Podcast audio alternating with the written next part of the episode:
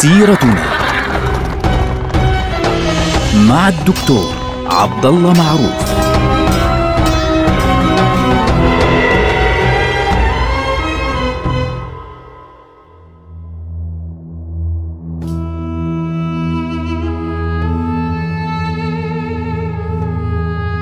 السلام عليكم ورحمة الله وبركاته. سيرتنا سيرة هذه الأمة، ونحن الآن في عهد الخلافة العباسية. نحن الآن في العهد الذي تلا وفاة أبي جعفر المنصور. أبو جعفر المنصور كان له إنجازات كبيرة جدا جعلته واحدا من أعظم خلفاء بني العباس، بل من أعظم خلفاء المسلمين على مر التاريخ الإسلامي. أبو جعفر المنصور رجل كان له كثير من الأخبار والأحداث ولكن أهم ما يمكن أن يتميز به عصر أبي جعفر أنه جعل الدولة مستقرة يعني استقرت الدولة تماما على شكلها الذي نعرفه بعد ذلك. كل الدولة ورثت الدولة الأموية من أقصاها إلى أقصاها باستثناء الأندلس التي ذهبت لعبد الرحمن الداخل وانفصل بها عن الدولة العباسية. الآن عند وفاة أبي جعفر المنصور كان قد أوصى بالخلافة من بعده لولده محمد ابن عبد الله وهو الخليفة الذي لقب بعد ذلك بالمهدي. لاحظ عندي ملحوظة. الخلفاء الأمويون لم يكونوا سابقا ولا حتى الراشدون كانوا لا يتلقبون بألقاب كانوا يعرفون بأسمائهم. يعني عندنا أبو بكر الصديق عمر بن الخطاب آه، عثمان بن عفان علي بن أبي طالب معاوية بن أبي سفيان عبد الملك بن مروان هشام بن عبد الملك الوليد بن عبد الملك إلى آخره. لكن الآن ابتداء من العهد العباسي سنسمع ألقابا للخلفاء فأولهم السفاح ثم المنصور. هذا لقب هو يتخذه.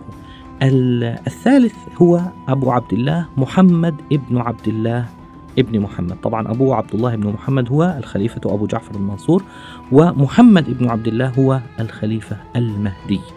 طبعا الخليفة لقب بالمهدي لأنه كان أبوه يتوقع أو يرجو أن يكون هو الذي يعني ينطبق عليه حديث النبي صلى الله عليه وسلم حول المهدي المنتظر وانه يملأ الدنيا قسطا وعدلا إلى آخره، فبالتالي لقب ولده بالمهدي، هذه النقطة على فكرة غير معروفة عند كثير من الناس عن العباسيين، العباسيون منذ البداية كانوا يأخذون النصوص الموجودة في أحاديث آخر الزمان ويحاولون أن يكيفوها على آه، دعايتهم الإعلامية ودعايتهم السياسية ضد الأمويين. فلذلك بدأوا مثلا من خراسان وجعلوا راياتهم سوداء اعتمادا على حديث الرايات السود القادمة من خراسان.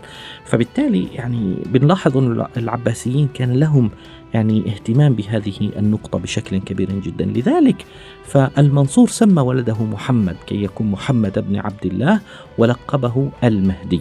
يعني هو الذي لقبه بذلك. طبعا الرجل محمد المهدي ولد في آه، مدينة اسمها إيذج هذه موجودة في آه، إيران اليوم. وكان هذا الرجل محبوبا عند الرعية.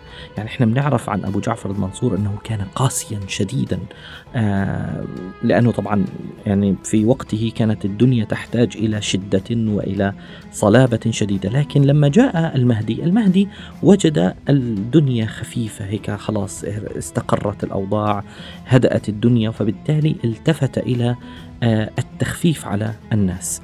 ولذلك جعل اللين إن صح التعبير هو العنوان الأساسي مع الرعية في خلافته. آه، عندما جاءه الخبر وهو في بغداد بأن الخليفة أبا جعفر المنصور توفي طبعا أبو جعفر المنصور توفي وهو ذاهب إلى الحج في الطريق إلى مكة المكرمة آه، صعد إلى المنبر فخطب في الناس وقال إن أمير المؤمنين عبد دعي فأجاب وأمر فأطاع. ثم بكى على المنبر وقال قد بكى رسول الله صلى الله عليه وسلم عند فراق الأحبة ولقد فارقت عظيما وقلدت جسيما فعند الله أحتسب أمير المؤمنين وبه أستعين على خلافة المسلمين. أيها الناس أسروا مثل ما تعلنون من طاعتنا نهبكم العافية وتحمد العاقبة واخفضوا جناح الطاعة لمن نشر معدلته فيكم وطوى الإصر عنكم وأهال عليكم السلامة من حيث رآه الله مقدما ذلك. والله لأفنين عمري بين عقوبتكم والإحسان إليكم. هذه بتدلنا على فصاحة المهدي. رجل فصيح كان جوادا كان مليح يعني مليحا بين الناس محبب يعني. الآن هذا الرجل عندما بدأ يعني حكمه بدأ حكمه بالإصلاحات إن صح التعبير. في البداية آه، خفف على الناس أصلح ما بين الطالبيين اللي هم أحفاد علي بن أبي طالب والعباسيين لأنه كان أبو جعفر المنصور قد اشتد عليهم سابقا وبالتالي آه، خفف عليهم آه، كثيرا. فأيضا وعندما حج المهدي يعني أصلح الطريق و كان له أثر مهم جدا في آه، مكة المكرمة. إيش هو؟ أول شيء الزيادة الكبرى في المسجد الحرام يعني كان قد زاد في المسجد الحرام زيادة لا بأس بها. وأيضا في زمنه اقتصر الأمر في آه، منذ زمنه يعني اقتصر الأمر في كسوة الكعبة على كسوة واحدة.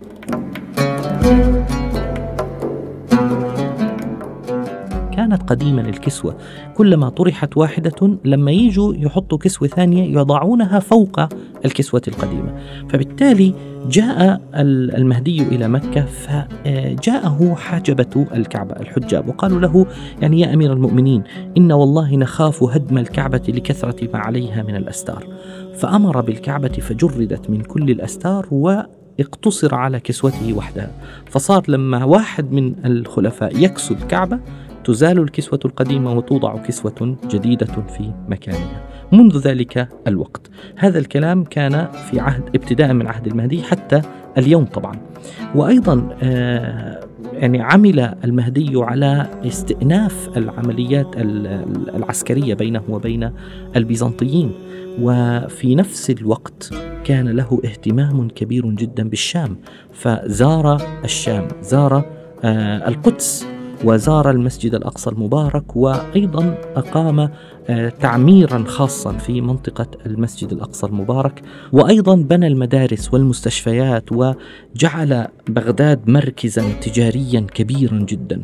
فبالتالي يعني الأعمال التي قام بها المهدي فعليا كانت لها يعني أهمية لا بأس بها.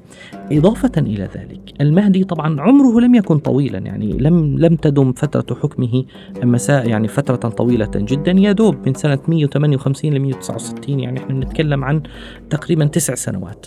هذه الفترة التي حكم فيها المهدي كان فيها يعني هدوء واستقرار إن صح التعبير ولكن في نفس الوقت كان المهدي مهتما جدا بالحركات الجديدة التي بدأت تظهر في بلاد المشرق. هذه الحركات حركات فكرية بدأت تظهر اللي هي حركة ما تسمى بحركة الزندقة. بدأت هذه الحركات تظهر في زمانه. طبعا إحنا ذكرنا سابقا في حلقة ماضية إنه ردات الفعل على مقتل أبي مسلم الخراساني في بداية عهد أبي جعفر المنصور كانت قد تنوعت. وبين الفرس. وبعضها وصل لاحقا في السنوات اللاحقة إلى الدعوة حتى إلى العودة إلى الديانة المجوسية. في عهد المهدي بدأت هذه الدعوات تتخذ طابعا جديدا جدا وانتشرت ظاهرة اسمها ظاهرة الزندقة التي كانت مرتبطة فعليا بفكرة الإلحاد فكرة الإلحاد والتشكيك في الدين. وطبعا هذه يعني تطورت بعد ذلك من الديانة المجوسية الزنادقة اللي هم أتباع الديانة المجوسية إلى الملحدين والتشكيكيين في هذا الدين إلى آخره. اتسع بعد ذلك مفهوم كلمة الزندقة ليشمل كل واحد يعني آه، يتحدث عن الفرق بين العرب والفرس إلى آخره. ثم بعد ذلك يعني المعنى صار كبيرا جدا واسعا. حتى صاروا يطلقونه على على الماجن انه يعني يقول هذا زنديق بمعنى إنه ماجن. لكن الفكرة في زمن آه، المهدي كانت لفظ الزندقة يعني فعليا الشخص الذي يدعو إلى العودة إلى الديانة المجوسية ويتشكك في الدين وأيضا يعني يتحدث عن قضية الإلحاد. طبعا المهدي أخذ قرارا بتتبع هؤلاء في كل مكان وقسى عليهم بكل قوته وفي نفس الوقت لأنه طبعا كان لهم خطر على الدولة نفسها يعني على الدولة مش فقط على دين الدولة وإنما على الدولة نفسها. وكانت حملات يعني هناك منظمة قام بها الخليفة المهدي ضد هؤلاء وفي نفس الوقت أمر بإنشاء ديوان سمي ديوان الزنادقة وأمر بترجمة الكتب. والكتابة في الفلسفة والرد عليهم. طبعا هذا الكلام سي يعني من خلاله ستبدأ آه، آه، حركات الفكرية الإسلامية تظهر لاحقا اللي هي الحركات الفلسفية. ستظهر لاحقا بعد ذلك حركة المعتزلة وأفكار كثيرة بدأت تظهر لاحقا.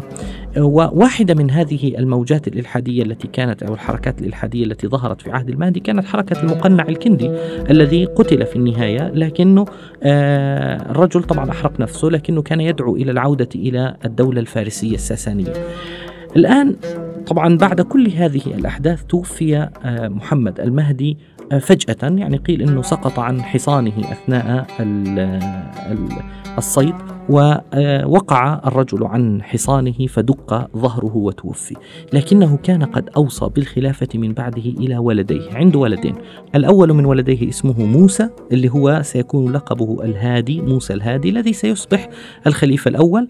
والثاني من بعده هارون الذي هو المعروف عندنا بعد ذلك اللي هو هارون الرشيد المعروف في التاريخ الإسلامي. موسى الهادي. استلم الحكم بعد أبيه آه، المهدي ولم تدم يعني فترة حكمه أكثر من سنة. هذا الرجل يعني أول ما استلم الحكم كان قاسيا يعني كان عكس والده تماما. يعني فعليا كان يدوب سنة وكم من شهر وكان والده قد أوصاه بالزنادقة. أنه عليك ب يعني استكمال عملية القضاء على حركة الزندقة فجد فيهم يعني بشكل كبير جدا. آه، تذكر عنه آه، نقطة أنه كان يعني ليس له أبهة الخلافة. يعني الرجل كان لعيب هيك يعني بيلعب آه، يشرب الخمر بيركب حمار مع الناس. ولكنه كان فصيحا في نفس الوقت وكان أديبا في نفس الوقت. ويذكر بعضه أنه كان جبارا كان قاسيا. كان همه الأساسي نقطتين في حياته. أول نقطة في البداية أن آه، يقاتل الزنادقة وفي نفس الوقت يقاتل العلويين.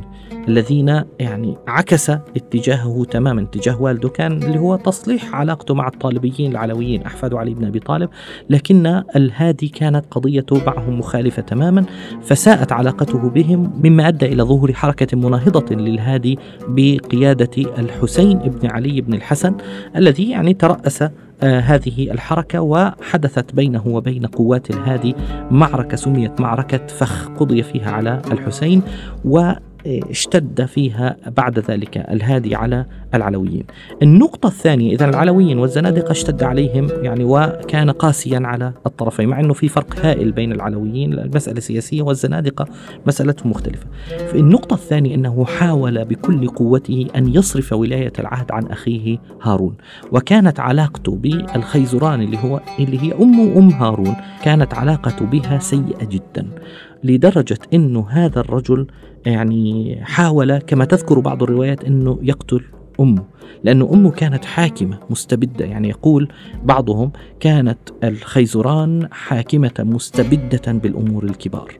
وكانت المواكب المواكب الكبار طبعا تغدو إلى بابها فزجرهم منعهم أنه يأتوا إلى أمه وكلمها بكلام وقح أمام الناس. ثم قال لئن وقف ببابك أمير لأضربن عنقه. وقيل إنه بعث إليها بطعام مسموم فأطعمت منه كلبا حتى تجرب فالكلب مباشرة مات فراحت آه، دبرت لقتله. طبعا أم تقتل ابنها يعني بالنهاية يعني المسألة عندها يعني مرتبطة بالحكم والسياسة. فبالتالي قررت قتله وفعلا قتل الهادي. آه، في عدة طرق بعضهم بيقول بالسم بعضهم بيقول إنه لا كان مريض فغموا وجهه ببساط وجلسوا عليه وحتى اختنق. المهم إنه مات بعد حوالي سنة و قليل يعني كم شهر من بداية حكمه واستلم الحكم من بعده ابتداء من عام 170 آه، للهجرة. يستلم الحكم آه، أبو جعفر هارون الرشيد. الذي ستكون الدولة فيه في أقصى قوتها ومنعتها وتقدمها فعليا. نلقاكم على خير. السلام عليكم ورحمة الله وبركاته.